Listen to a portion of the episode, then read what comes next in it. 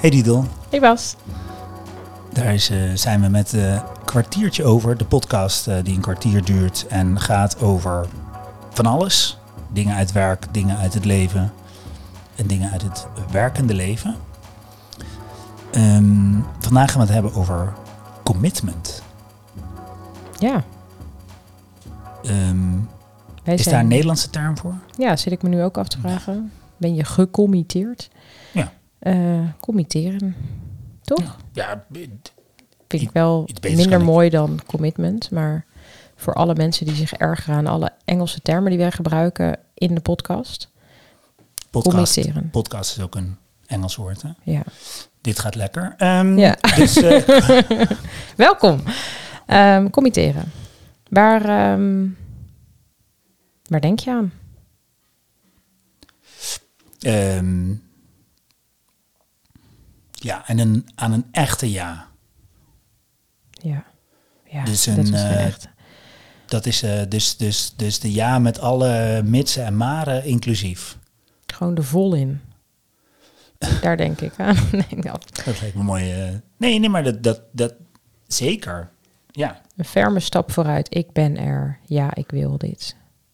Committed. het gaat er eigenlijk om. Kijk, ja zeggen tegen iets wat.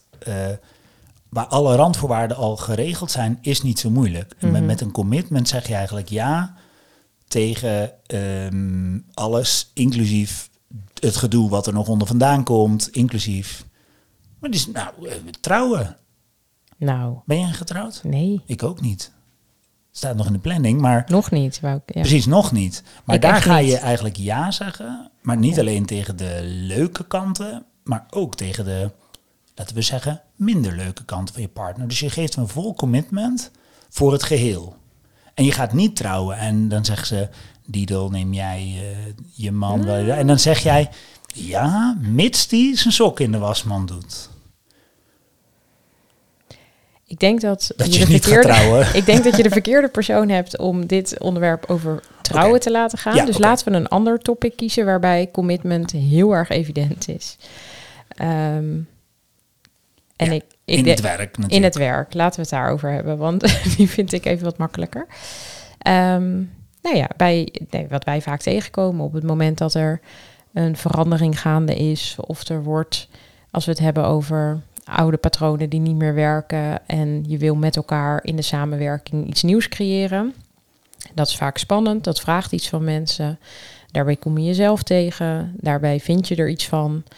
Ehm, maar ondanks dat allemaal toch instappen, volledig en inderdaad met al die mitsen en maren daaraan gaan. Dat is volgens mij wanneer je echt committeert. Ja, en eh, wij gebruiken vaak een techniek daarvoor. En die eh, Raymond, ons collega, heeft die in het boek beschreven. Daar heet hij de cirkel van betekenisgeving. Ehm, wat, wat, wat die doet eigenlijk, die, die bestaat uit eh, eh, vijf stappen. Voelen, snappen, willen, kunnen, doen. Eh, en dat is een cirkel, dus na het doen ga je weer voelen. En als je commitment wil, maar je kan zo'n cirkel ook gebruiken om iets te leren, je kan zo'n cirkel gebruiken om een beslissing te maken, maar op al die dingen gaat het eigenlijk om je, dat je gecommitteerd bent aan, het, aan, het, aan hetgeen wat ervoor ligt. En die cirkel is denk ik wel mooi ook om het commitment tastbaar te maken. Want als je gaat vragen, wie is er eh, gecommitteerd of wie, wie zegt er ja tegen deze verandering? Nou, of, en, en, en, bij verandering zeggen nog wel eens wat mensen nee, maar wie willen een beter team worden? Nou, zegt iedereen Ja, ja. daar kun je niet op tegen zijn. Nee, daar kun je niet tegen zijn.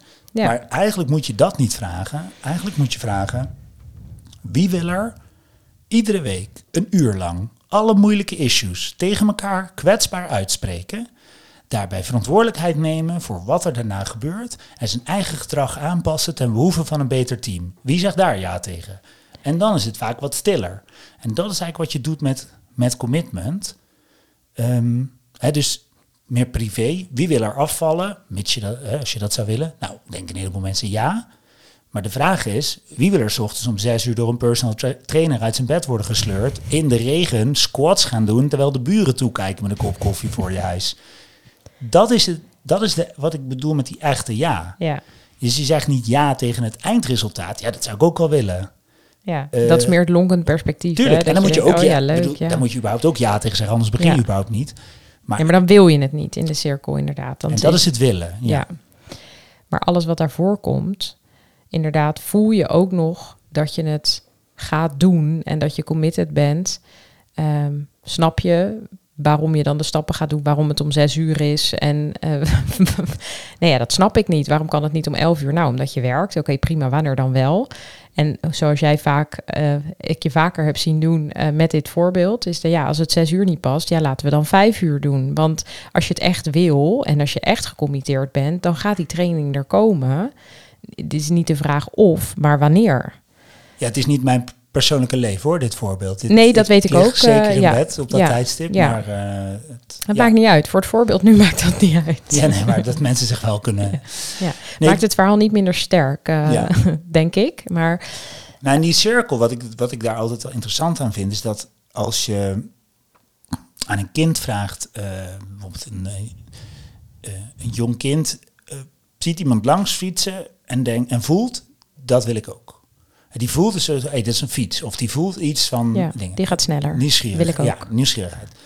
Vervolgens gaat het even om het snappen. Dit is een fiets. Hè? Pedalen moet je daarop zitten. Snap je dat? Oké. Nou, vervolgens zeg ik tegen het kind, wil je leren fietsen? Ja, dat wil het kind. Die gaat fietsen. Dus dan kom je eh, bij het willen. Eh, dan het kunnen. Dat is eigenlijk het leren. Nou, dan val je de hele tijd. Heb je pijn en dit en dat. Natuurlijk zegt een kind dan ook wel eens, dit wil ik niet. Die pijn hebben en zo. Maar gemiddeld gezien is een kind gewoon, die gaat en die gaat en die gaat. Dus dat is het kunnen. En dan is het doen. Dan fiets je.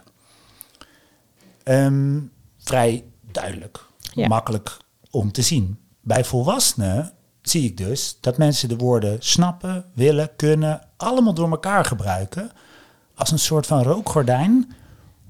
Om, weet ik, ja, om, weet iets ik niet wat, om iets anders te verbloemen. Ja, Dan krijg je dus.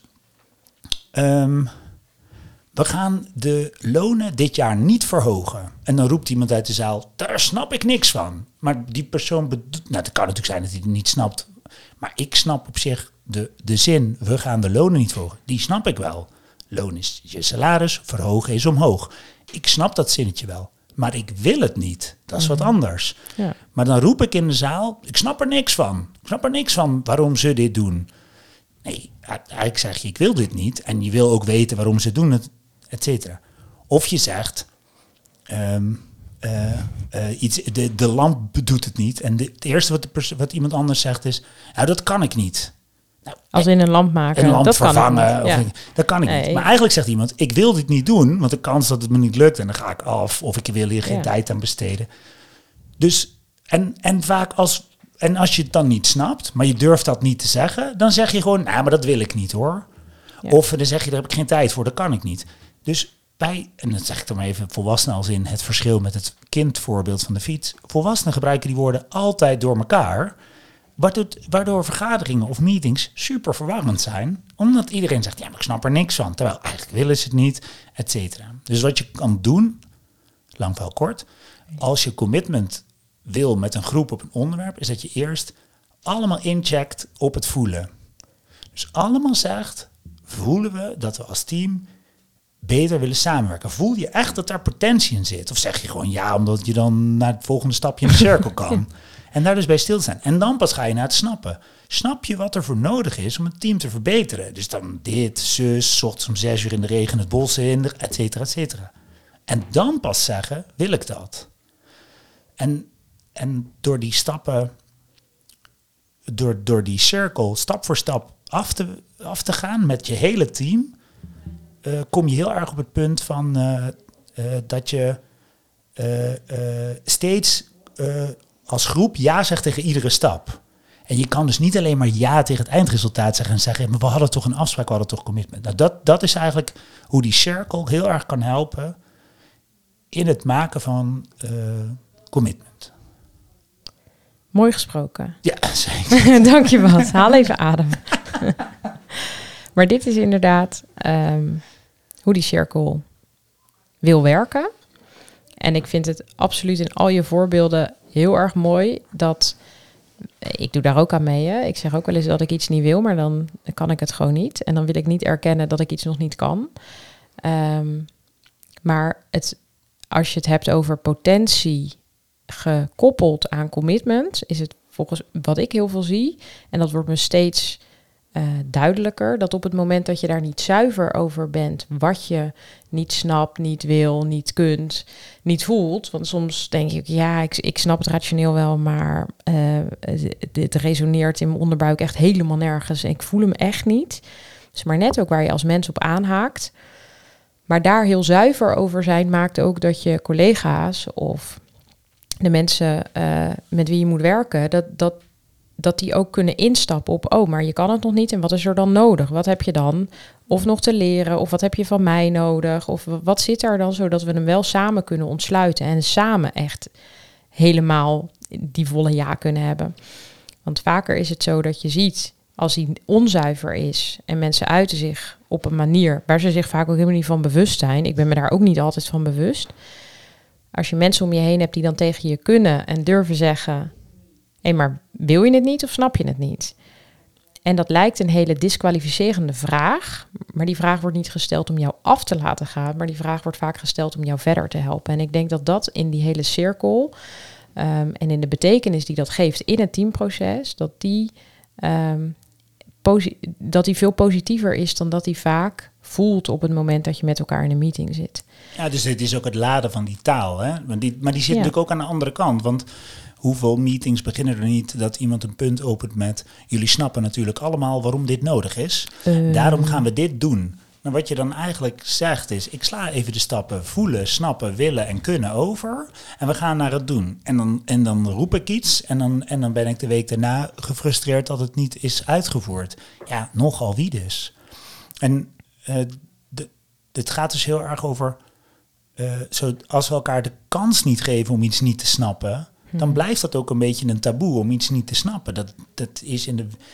Dan, ja, krijg... ja, dan gaat het er niet in die meeting over, maar dan gaat het er daarna over. Kost best wel veel tijd.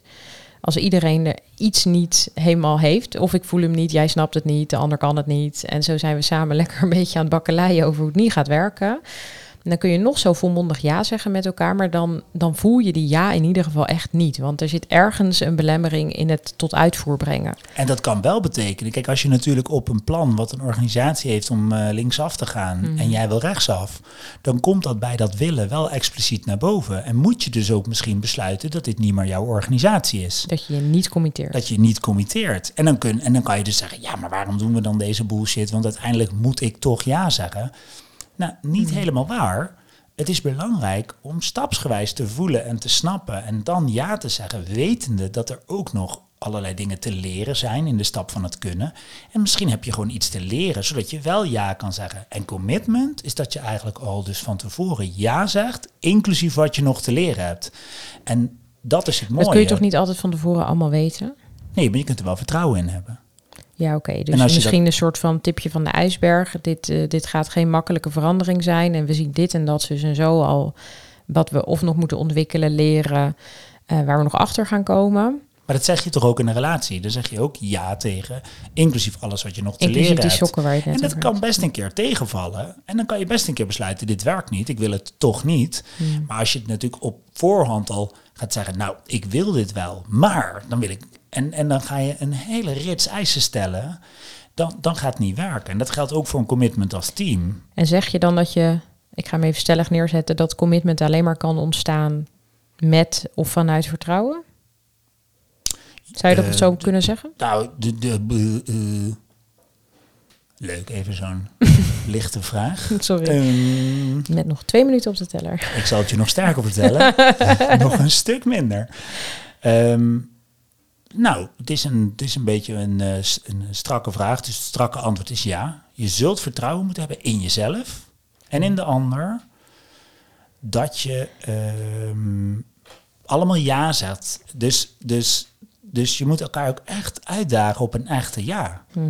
Want je moet ook wel van je teammaten erop aankunnen. En bijvoorbeeld ook van je leidinggevende die zegt... er is een studiebudget voor het stuk wat je nog niet kan. Dan moet die leidinggevende natuurlijk niet later zeggen... ja, dat was een grapje. Ja, dan, dan heb je een valse ja te pakken. En het is juist belangrijk dat je een echte ja te pakken hebt.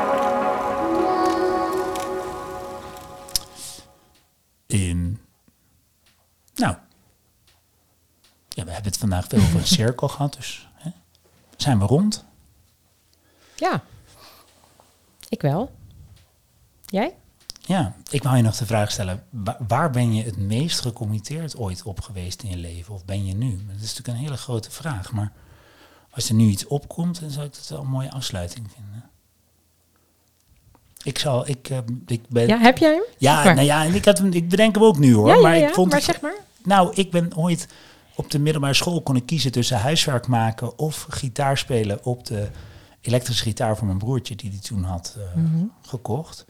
En toen ben ik heel gecommitteerd geraakt op gitaar spelen. En zo heb ik mezelf gitaar eh, leren spelen. En de grap is eigenlijk, heel veel mensen zeggen ik heb geen tijd voor muziekinstrument. Dat snap ik heel goed. Maar ik had toen een alternatief en dat was huiswerk maken. Wat niet per se aanlokkelijk was. Dus op die manier heb ik dat dus geleerd. Ja, ben ik, was ik dan gecommitteerd? Ja, want ik, ik deed het wel ook echt. eh, ik ben daardoor. Zo is het begonnen. Niet makkelijk. En daarna heb ik dat echt gewoon doorgezet. En ja, ik, ik probeer nog steeds wel eens een nieuw instrument te spelen nu. En het gaat een stuk minder makkelijk dan toen. Ik heb echt toen gezegd, dit, wil ik ik doen. kunnen. Ja, en Dit wil ik kunnen. Mooi. dit, ja, dat heb ik heel sterk altijd toen gevoeld. Ja. Jij? Het eerste antwoord wat in me opkomt is dat ik heel erg gecommitteerd ben aan, ehm, aan, mijn, aan mijn gezinssysteem. Ja, daar, daar, daar, dat is de volle, volle ja. En dat kan ik ook nog steeds niet. of nog niet. Of ja, work in progress. Oh, ja. Ja, Mooi. ja. dank. Doei. Doei.